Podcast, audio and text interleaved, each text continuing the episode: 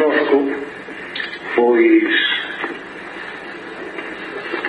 o doutor en literatura brasileira da Universidade de São Paulo Ulises Infante que falará dentro do ciclo do facho de literatura e razón e a súa charla de hoxe versará sobre de a canção brasileira dos ecos da Galiza ao retrato do país. Penso que é o suficientemente importante no niveles que eu estou ponendo simplemente pensando nele da lusofonía porque, porque dá, dá para falar moito e desde logo Ulises Infante vai nos facer moi ben. Moito ben ademais tendo en conta pois que a parte da, do, sua, do seu doutorado en literatura brasileira ten un gran escritor que ten diversos textos da língua portuguesa nen dos seus títulos podemos orientar un curso de gramática aplicada aos textos, outro curso de literatura de lingua portuguesa, despois do texto ao texto, leitura e produção de textos, textos, leituras e escritas, e interpretación da poesía e, ademais, sobre dunha figura extraordinaria como foi Fernando Pessoa.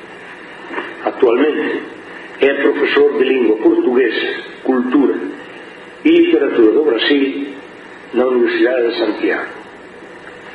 E, polo tanto, a quen lle toca agora de falar é a Ulises agradecéndolle desde xa e para sempre que viñera e estivera hoxe connosco. Gracias, Ulises. Fala. Boa tarde, boa noite. Já Ouvem? Ouvem bem? Sim. É, parece que assim está bem. É, então, boa tarde, né? Me parece que aqui se diria, se diz boa tarde. No Brasil, sem dúvida alguma, diríamos boa noite a esta hora. Né? É, faz mais ou menos um ano e meio que eu cheguei a, a Galiza infelizmente tenho mais seis meses de Galiza, digo infelizmente porque nesse um ano e meio aprendi a gostar demais dessa terra e das coisas que encontrei aqui, né? E agradeço muito a oportunidade de vir aqui a Corunha, poder falar das coisas do Brasil, né? E poder fazer algumas relações entre as coisas do Brasil e as coisas da Galiza, né? É, depois de ouvir essa apresentação toda, eu fiquei um pouco meditativo, né? Fiquei aqui pensando em coisas do passado e lembrei-me das várias vezes na vida em que, como professor de literatura brasileira no Brasil, eu começava os cursos de literatura brasileira falando das cantigas galego-portuguesas. Né? E quando eu tive a felicidade de ser escolhido como professor aqui na Universidade de Santiago, foi sem dúvida com o coração cheio das lembranças de ter trabalhado tantas vezes, tantos anos com essas cantigas todas que eu subi no avião lá em São Paulo, né, pensando que chegaria aqui. E de fato o que eu encontrei me faz sempre lembrar do que era aquela situação em que se tinha que apresentar aos alunos algo de um passado né, que aparentemente é tão remoto, são tantos séculos já, mas que em pouco tempo se percebe que é um passado que continua vivo. Né? É, como diz alguém, é, é a cultura. E não é a cultura como cinza, mas é a cultura como brasa viva, né? como aquilo que ainda está em vigor e com, com força, com, com pujança. Eu estou aqui, obviamente, falando a língua que se fala no Brasil, certo? É, eu gostaria de deixar mais ou menos claro que é, eu venho da região sudeste do Brasil, mais precisamente eu venho do estado de São Paulo. Né? Eu sou nascido na cidade de São Paulo, não vivo mais na cidade de São Paulo, mas nasci e cresci ali. Então eu tenho, digamos assim, dentro de, do conjunto dos vários modos de falar esta língua né, que há no mundo, né, eu estou dentro daquele subconjunto que é o sotaque do sudeste do Brasil. Certo? Dentro do Brasil há vários sotaques, alguns deles é, muito interessantes, alguns deles talvez mais próximos de alguns modos de falar da Galiza do que o meu, né? Mas me parece que não, não há muita dúvida de que estamos mais ou menos num mundo linguístico comum. Né? É, hoje eu preparei algum material para apresentar e eu sinto um, uma grande alegria de poder falar da, da, da canção brasileira, porque se há uma grande contribuição que o Brasil tem feito ao mundo, é, essa é, sem dúvida, a produção de canções. Né? O Brasil produz canções que se tornam referência né? é, internacional no mundo, nesse mundo todo em que estamos, e eu aprendi desde cedo a apreciar as canções brasileiras, a perceber que havia uma relação muito íntima que se conseguia estabelecer entre aquilo que se falava, né, a, a palavra cantada e a melodia sobre a qual essa palavra era posta. Né? Nem sei se a palavra posta é a palavra que define com clareza a relação que se estabelece entre o que se fala e o som musical. Né? É, é uma relação não, não muito simples de explicar, e na canção brasileira essa relação vem cada vez se sofisticando mais. Né? É claro que eu não, não venho aqui fazer um, um discurso de especialista sobre o tema, venho muito mais apresentar algumas, hum, algumas opiniões, né, submetê-las ao exame crítico de vocês, né, e gostaria de, de, de aproveitar então esse princípio que eu já fiz para justamente chamar atenção para algo que talvez seja evidente demais e às vezes por ser evidente demais não se nota. Né? É, há uma relação muito íntima entre a tradição lírica do trovadorismo galego-português e aquilo que são as canções brasileiras atuais. Né? Essa relação é muito íntima, muito íntima mesmo. Eu trouxe até, perdoem-me a ousadia, né? mas eu trouxe aqui um, uma, uma cantiga de um trovador, que apesar de ser um trovador sobre o qual não há muitas notícias biográficas, quase todos os estudiosos do trovadorismo garantem que ele é um trovador galego. Né? É, a cantiga está aqui, nós temos o texto aqui. O trovador é o Julião Bolseiro. É, não sei porquê, não é um dos trovadores mais conhecidos. Normalmente os nomes que nós guardamos do trovadorismo são outros. Mas esse é um trovador que sempre esteve presente nas minhas aulas né, de literatura no Brasil e eu gosto muito do, do, do trabalho dele porque há uma, um refinamento na apresentação das figuras que surgem nestas cantigas. Né? É, o Julião Bolseiro, segundo os historiadores da, da, do trovadorismo galego português, teria produzido no século XIII, mais ou menos entre 1250 e 1275 e uma característica da, da produção do Julião Bolseiro é que as cantigas de amigo que ele fez, né, aquelas em que nós temos uma voz feminina que fala sobre o seu amado, né? essas cantigas costumam trazer um refinamento psicológico, um, uma delicadeza na análise da personalidade feminina muito grande. Então, nesta canção, e eu peço desculpas, mas eu vou lê-la do modo como eu sei ler, né? é, alguns estudiosos dizem que o modo como os brasileiros leem se aproximaria mais do que era a língua medieval. Eu não sei se eles não falam isso por gentileza, quando os brasileiros vão ler, mas a cantiga diz mais ou menos assim: Aquestas noites são longas que Deus fez em grave dia por mim, porque as não dorme, e por que as não fazia no tempo que meu amigo só ia falar comigo? Porque as fez Deus tão grandes, não posso eu dormir, coitada. E, de como são sobejas, quisera-me outra vegada no tempo que meu amigo só ia falar comigo.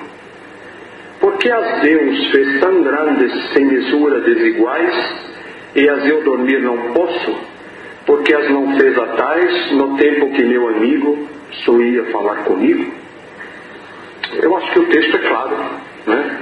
É, há uma voz feminina aqui e essa mulher se queixa porque as noites são longas atualmente, neste momento em que ela fala. E a queixa que ela emite é a queixa de que as noites agora são longas. Deus as fez ou melhor, Deus as faz longas agora, neste momento. Mas em outro momento, em que talvez o ser longas fosse algo muito vantajoso, naquele outro momento elas não eram longas. Sim? E esse outro momento em que, segundo ela, as noites não eram tão longas, era o momento em que o seu amigo, o seu amado, o seu namorado, o seu homem, essa palavra naquele contexto significava tudo isso. Né? É, no momento em que esse amigo costumava falar com ela, né? ia falar com ela, as noites não eram assim longas. Então ela se queixa. Né? Agora que eu não as durmo, elas são longas. Quando ele falava comigo, e seria ótimo que então elas fossem longas, né, para que nós tivéssemos mais tempo né, para ficar próximos uns, uns, um do outro, naquele momento elas não eram assim. E ela enumera isso, né, ela repete isso.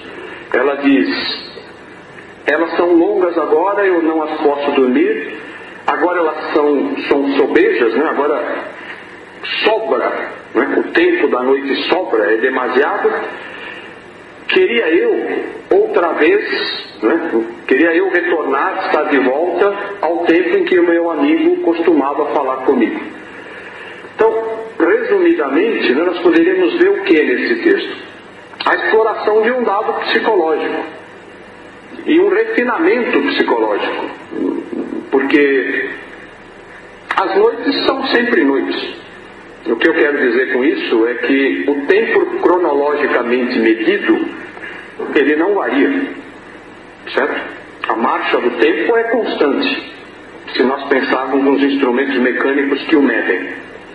O que faz com que o tempo se torne mais longo ou mais curto é o sentido de duração que o ser humano empresta ao tempo.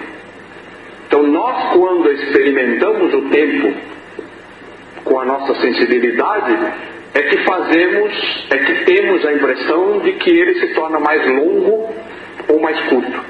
Então é evidente que nesta canção o Julião Bolseiro, que é um homem, cria uma personagem feminina e essa personagem feminina é criada com uma sofisticação, um refinamento psicológico.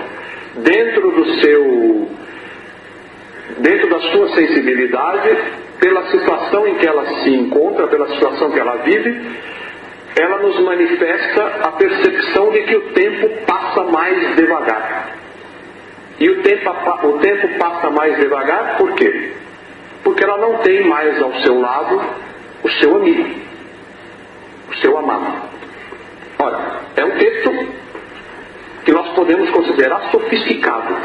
E é importante que se diga isso para que não se tenha a impressão de que a lírica galego-portuguesa, por estar ali naquele momento, digamos assim, inaugural né, da literatura de língua galego-portuguesa, ela seja uma lírica precária, inocente, rudimentar. Não, ela não é.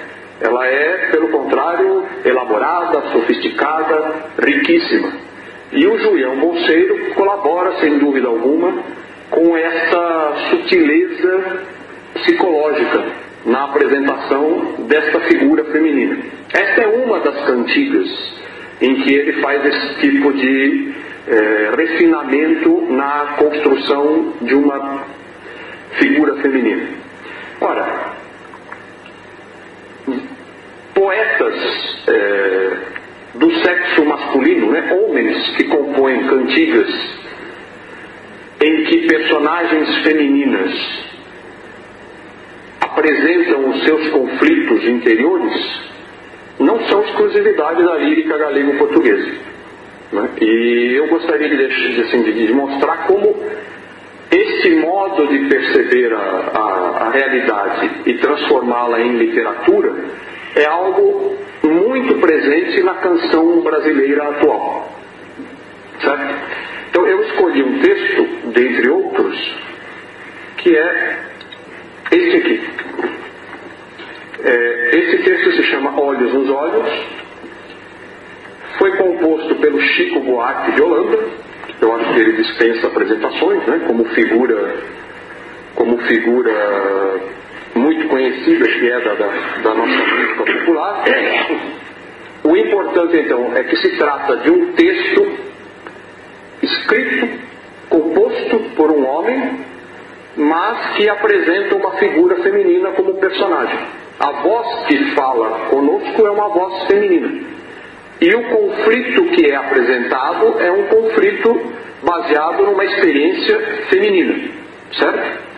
Aqui no caso a interpretação é da Maria Bethânia, a que eu trouxe para nós ouvirmos, né? mas o Chico Buarque canta esta canção.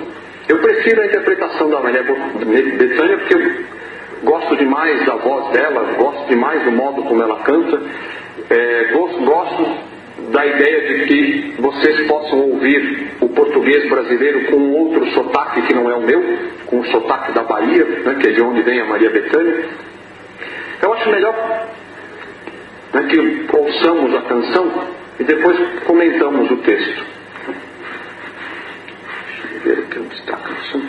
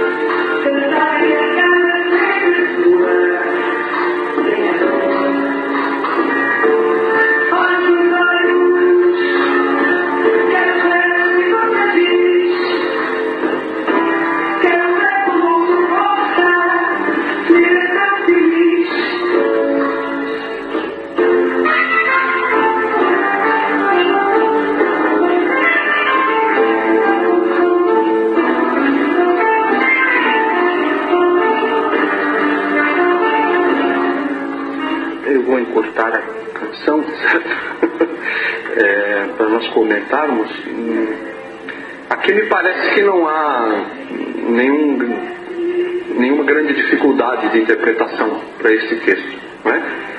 é uma mulher que se refere ao momento da separação, né? diz que foi um momento muito difícil, um momento particularmente é, agônico, angustiante da sua vida, mas um momento superado. Né? E ela agora apresenta-se ao a que, nós, a que nós chamamos de o ex, né?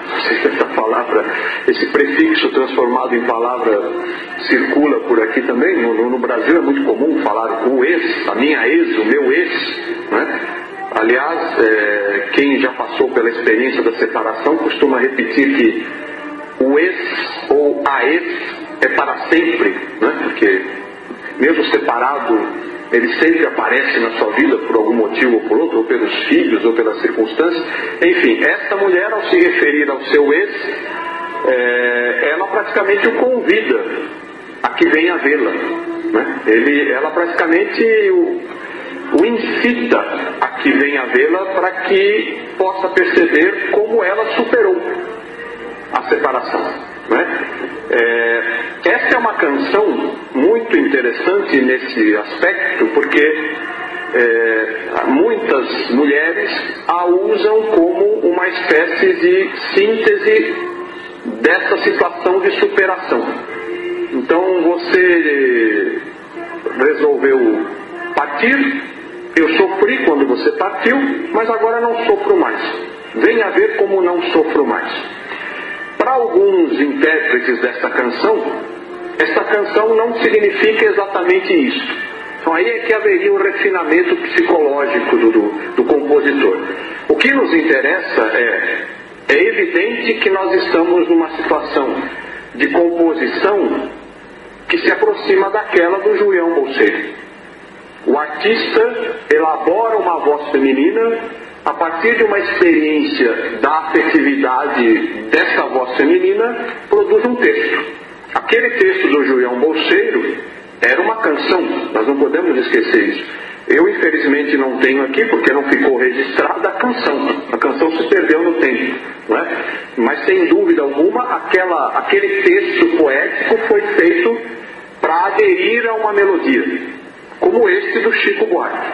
Então há uma afinidade nesse aspecto, são dois compositores de canções, e isso é um tipo de composição particular. E são dois compositores de canções que, apesar dos tantos séculos que os separam, fazem uma opção parecida. Fazer da canção a possibilidade de expressão de uma voz feminina, e essa voz feminina dá vazão à sua afetividade, ao seu sentimento. É claro que os sentimentos são um pouco diferentes. Né? É, seria até possível pesquisar e encontrar textos em que os sentimentos são muito mais próximos. Sim? É, a quantidade de canções na, na, no conjunto da, da, música brasileira em que esta atitude é, é, é assumida, um, um compositor homem criando uma voz feminina que expressa sua sentimentalidade é muito grande. O Chico Buarque, ele apenas tem uma coleção delas. Tem esta Olhos nos Olhos, tem com açúcar, com afeto, sem afeto, é, esse cara e por aí vai. Enumeramos assim uma grande quantidade, né, se pegarmos a obra do Chico Buarque. Se pegarmos a obra do, do, do Caetano Veloso, se olharmos para ela, também há uma série de canções assim. Né? E procurando na obra dos grandes compositores brasileiros, sempre se encontra isso. E é evidente que isso se trata de um veio que a canção brasileira é, vai buscar na sua tradição mais profunda. No caso do Chico Buarque de Holanda, no caso do Caetano Veloso, no caso desses compositores, é evidente que eles estão se referindo a essa tradição. Por quê? Porque eles são conhecedores dela por uma série de elementos que a sua obra é, oferece para que nós percebamos isso. O Chico Buarque de Holanda tem uma ligação tão grande com, com toda a tradição da lírica de língua portuguesa, né, que ele não só é capaz de usar os temas e motivos dessa tradição, como também de empregar os metros, a métrica da tradição da lírica portuguesa. E ele então faz isso como um sabedor, um conhecedor dessa tradição. No caso dessa canção, só para que não fique eh, sem, sem fecho aquilo que eu começava a dizer, há alguns intérpretes dessa canção, Olhos nos Olhos, que dizem que no fundo, bem no fundo, essa mulher nunca deixou de sofrer por causa deste homem. Eu não, não, não, não sei né, o, que cada um, o que cada uma de vocês vai pensar sobre a canção, né, mas alguns analistas dizem que se de fato ela houvesse superado a separação, a última coisa em que ela pensaria na vida seria mostrar a ele, certo? Que ela superou a separação. Para quê? Se ela houvesse colocado esse indivíduo num, digamos assim, numa espécie de, de depósito das coisas esquecidas e inúteis, para que chamá-lo e dizer a ele, venha ver como eu estou feliz? Né? Mas aí são sutilezas psicológicas a se discutir. O próprio Chico Buarque nunca foi de esclarecer essas coisas. Ele acha que fez a obra, a obra circula, nós é que tentemos explicá-la. De fato, a mim me sugere a ideia de que ela ainda tem algo não resolvido com esse homem.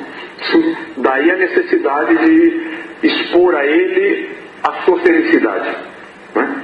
que talvez não seja tão feliz, né? uma felicidade entre aspas.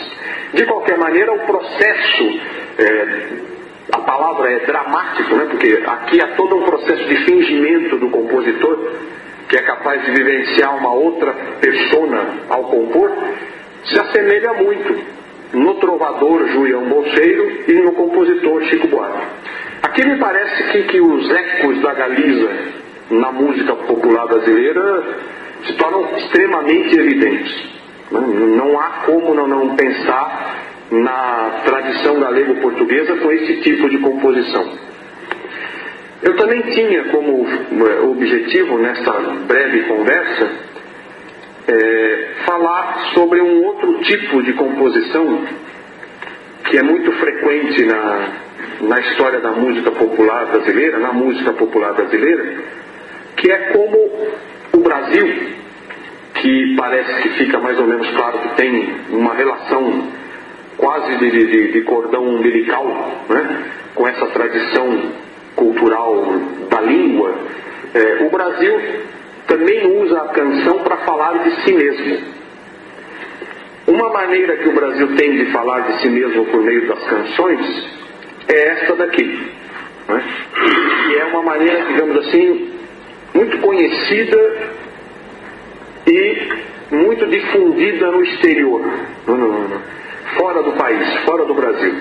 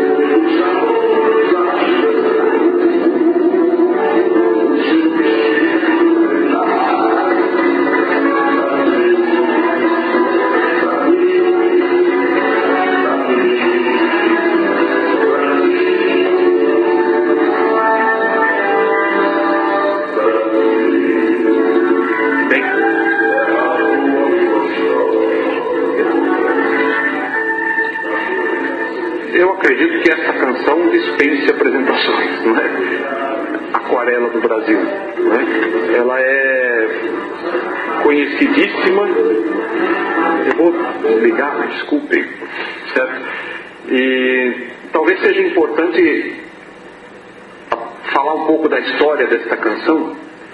É, o título é Aquarela do Brasil, ou seja, procura-se fazer uma tela, né, um, um, quadro do que seria o Brasil, do que seria aquele país, né, e o Brasil é apresentado a partir de alguns elementos. Quais elementos? O Brasil é um mulato inzoneiro, essa palavra inzoneiro não é uma palavra popular, né? Inzoneiro é, é, é, cheio de manha, cheio de picardia, um pouco malandro, certo? O importante talvez aqui é mais que seja um mulato do que um mulato inzoneiro, né? A ideia da, da, da mestiçagem como uma marca da, racial, entre aspas, do Brasil, né? E esse Brasil que é um mulato vai ser o tema da canção. Essa canção então interpreta e oferece uma visão do Brasil que identifica o Brasil com o samba, com esse ritmo, com o bamboleio, que é esse modo de se mover, né? bamboleando, é, o bamboleio que faz gingar, gingar é também mexer-se desse modo, mexer principalmente as cadeiras. Né? Quer dizer, o Brasil é o samba, o movimento do corpo, o Brasil é o Brasil do meu amor, é a terra do nosso Senhor. E aí vem alguns elementos escolhidos do que seriam cenas brasileiras. Quando se abre a cortina do passado, o que é que se vê? A mãe preta, aquela negra escrava que criava os filhos do, do, do seu senhor branco, né? ela é tirada do cerrado. O cerrado é uma das paisagens naturais do Brasil, da região central do Brasil. Curiosamente, se nós formos buscar a precisão histórica, essa cena não tem muita precisão histórica, porque os negros escravos se concentraram em outras regiões do Brasil, não necessariamente no Cerrado. Mas o compositor não está muito preocupado com isso. Né? que mais? Coloca-se o rei Congo no Congado. O Congado é um tipo de dança, de, de celebração que os africanos levaram ao Brasil, na qual eles coroam o seu rei, que é o rei Congo. E o, o Congado se chama Congado porque é a coroação do rei Congo. Né? É, que mais que se apresenta? O trovador, certo? Aí, de novo, podemos pensar numa tradição que vem de longe. E aqui é o trovador que canta a melancólica, melancólia é uma palavra não popular, uma palavra de registro culto. Esse trovador vai cantar a luz da lua. Né? Então são cenas do Brasil que o compositor escolheu para oferecer esse quadro. Né? É, que mais aparece aqui? A Sá-dona. Este Sá é uma redução de Sinhá que por sua vez já é redução de senhora. Certo? Então é a senhora que passeia pelos salões do Brasil imperial.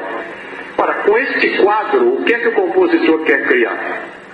Quer criar uma sugestão de um país mestiço que dança, em que as coisas são boas e felizes. Certo? Esse samba, composto pelo Ari, Ari Barroso, é da década de, mil, de 40, é dos anos ali 1940.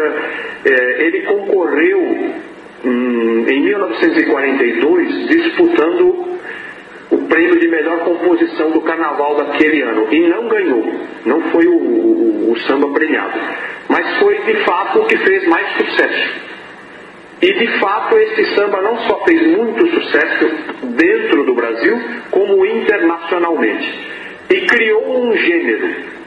Este é o primeiro de um tipo de samba que passaria a ser chamado de samba exaltação. E o Ari Barroso, o compositor deste samba, fez vários sambas assim.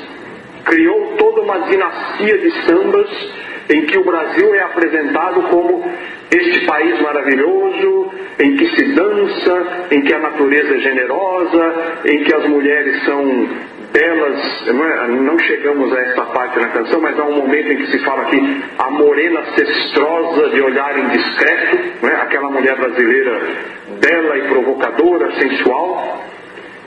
Muitos dos estereótipos que o Brasil oferece, é, que o Brasil tem no exterior foram oferecidos pelo próprio Brasil.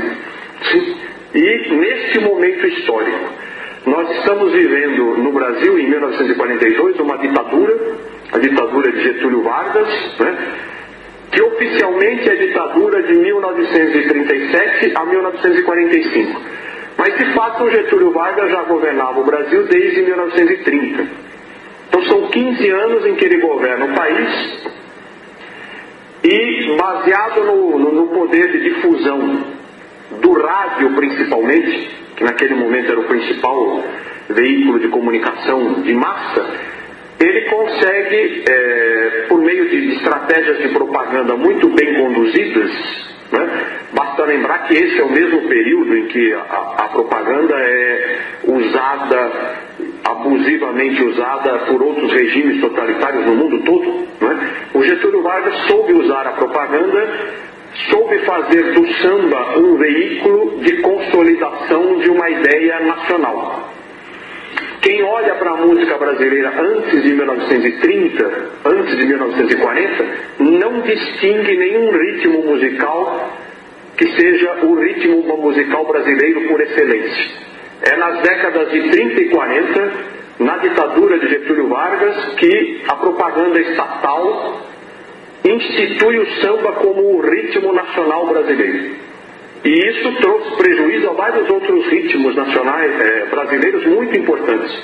Né? Um, um, ritmo que sofreu muito, caiu num, numa espécie de, de, de, esquecimento por muito tempo e que é um, um ritmo riquíssimo, maravilhoso que o Brasil tem, é o choro, por exemplo com esse prestígio todo conferido ao samba, o choro acabou sendo posto em segundo plano. Agora, é importante que se diga que este tipo de samba oferece uma imagem de Brasil cunhada pelos próprios brasileiros. E para que fique muito claro que este tipo de, de samba foi feito também pensando no exterior, algo muito interessante não sei se vai ser possível vermos, né? espero que sim. Os estúdios de Walt Disney fizeram na década de 40 um, um, uma, um filme dedicado, era um filme feito pelos Estados Unidos da América, endereçado aos irmãos americanos dos Estados Unidos da América, ou seja, os latinos. Né?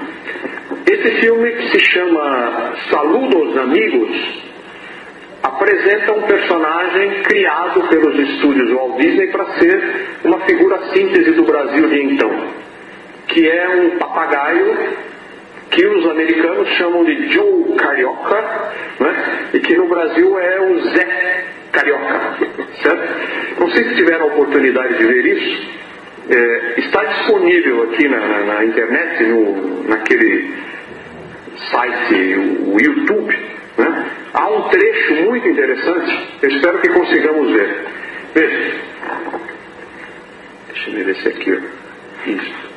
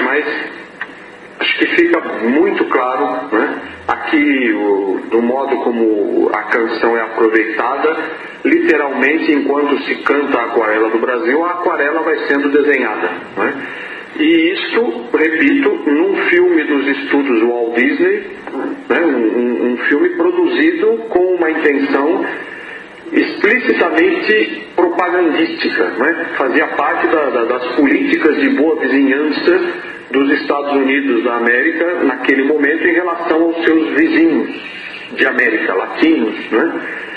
E essa canção foi, digamos assim, uma contribuição brasileira a essa política. O Brasil se oferecia justamente como esse país em que os flamingos gingam e bamboleiam, né? em que a banana está presente em tudo, a natureza generosa. É muito interessante pensar que o Brasil é definido na canção como brasileiro. Né? A canção repete a ideia de que o Brasil é brasileiro. Não, não, sei se isso chama a atenção, a mim sempre me chamou muita atenção que o coqueiro dá coco, certo? E o Brasil é brasileiro. Ou seja, é, as coisas são o que são, as coisas são muito óbvias, né? chama-se a isso de tautologia. Né? É, eu defino algo dizendo que aquilo que eu defino é aquilo que eu defino. O Brasil define-se por ser como? Brasileiro. O que é uma maneira de dizer que ele tem coisas muito especiais, coisas difíceis de, de, de, de expressar por meio de palavras não racionalizáveis. É, é, é quase como se fosse algo apenas sensível, não inteligível. Não é? uma maneira de, na verdade, não pensar sobre o assunto. É? E a canção é, é, exatamente isso, é uma proposta que se dance e não se pense sobre o assunto. Então, esse tipo de canção faz parte da, da, da tradição das canções brasileiras. E, e se hoje nós temos sobre elas uma mirada crítica, é, não se pode esquecer que elas têm também um lado interessante e criativo.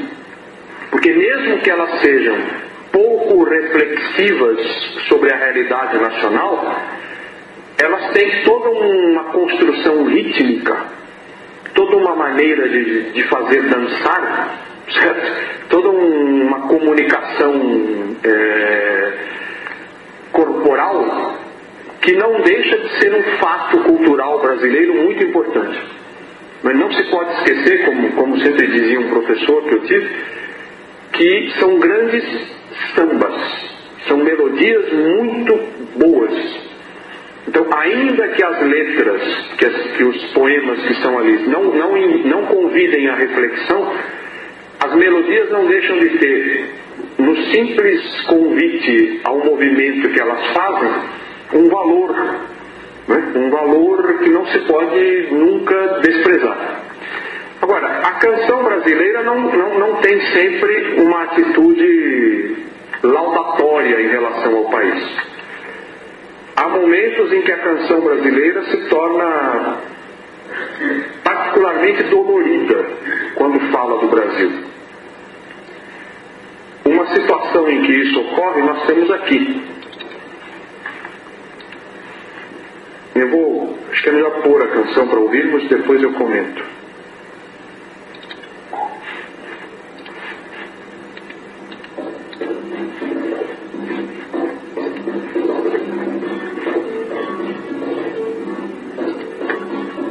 Nunca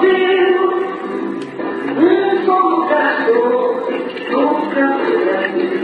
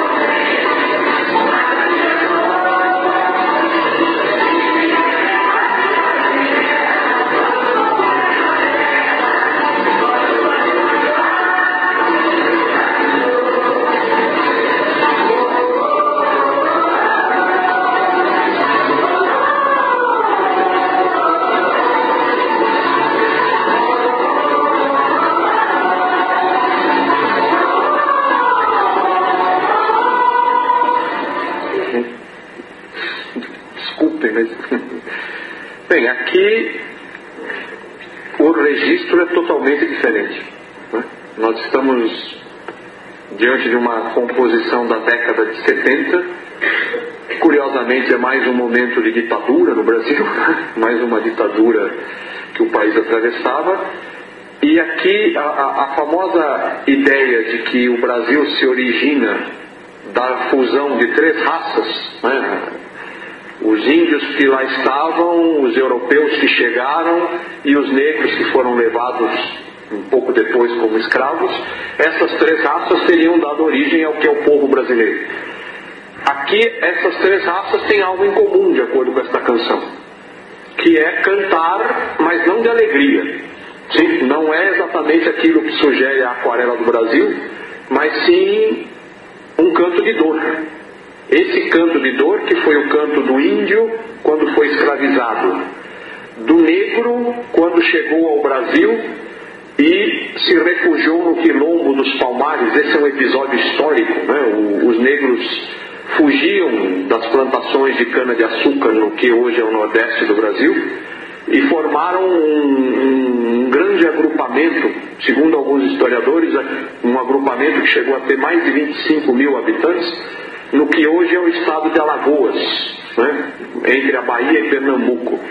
E ali esse quilombo dos Palmares, no século XVII, resistiu durante mais de 50 anos aos portugueses. Só foi destruído depois de 50 anos de luta.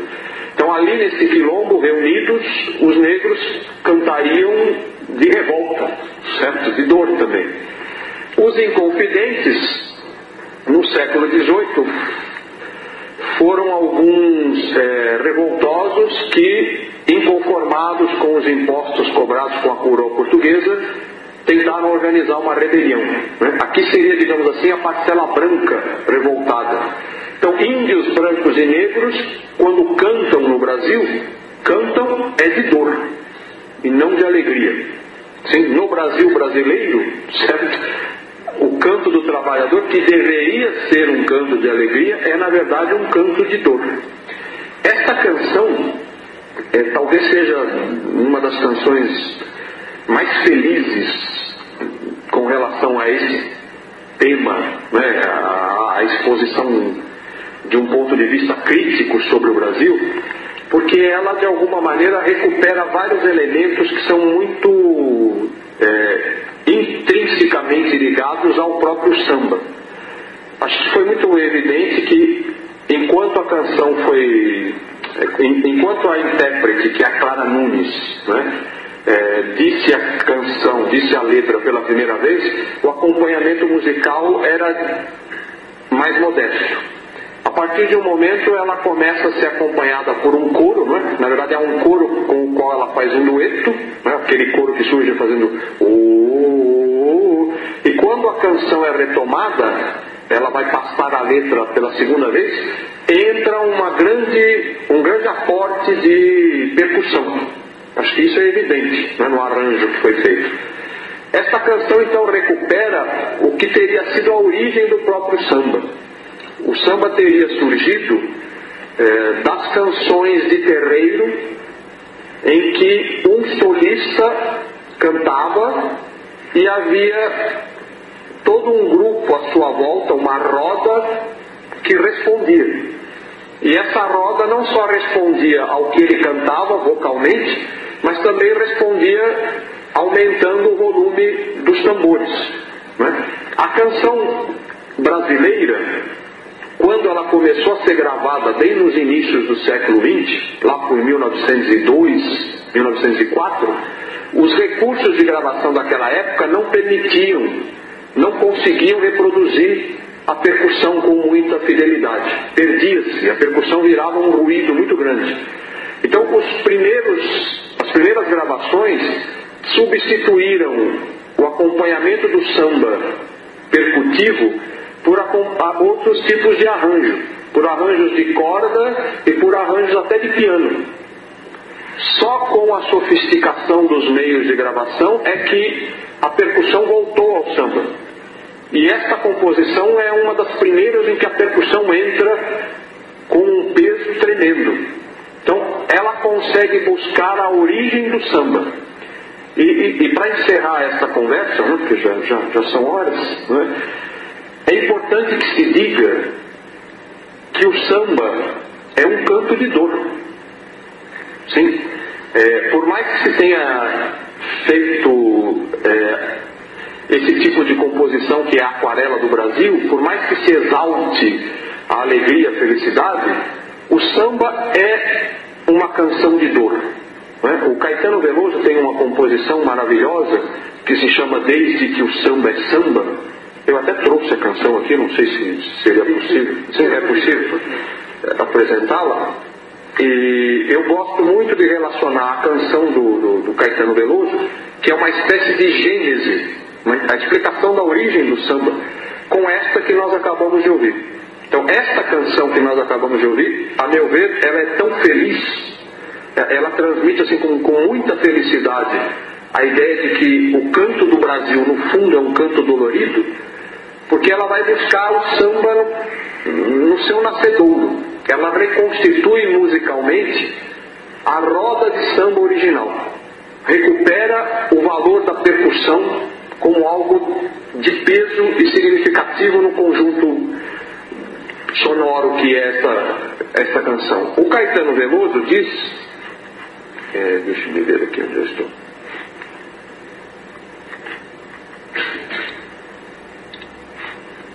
Nesta canção que se chama Desde que o Samba é Samba,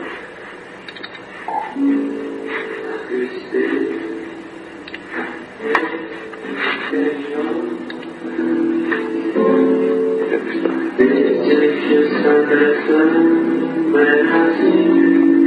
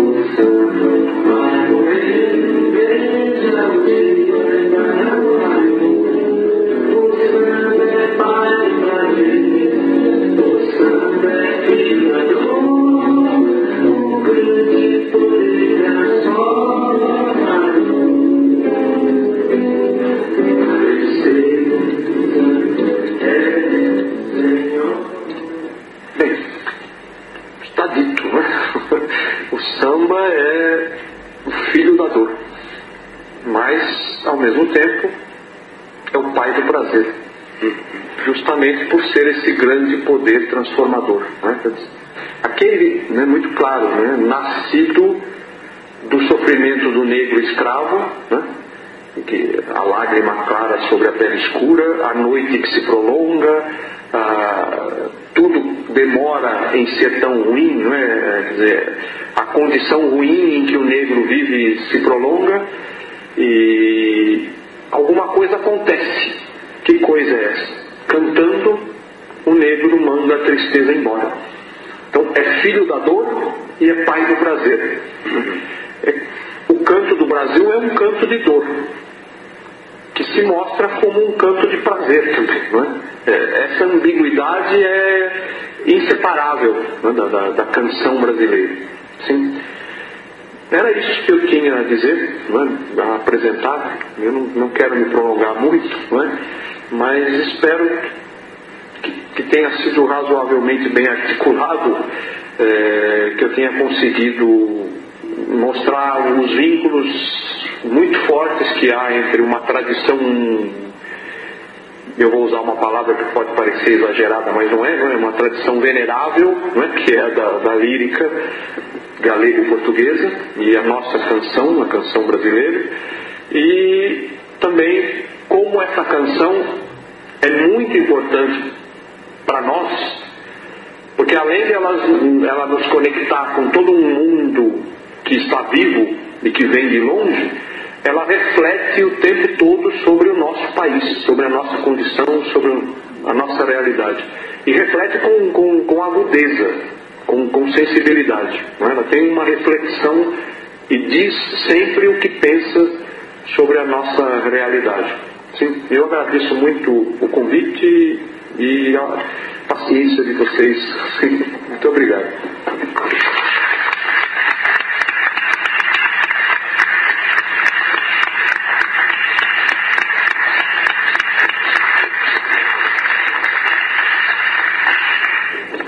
Bem, eu penso que obrigamos todos nós.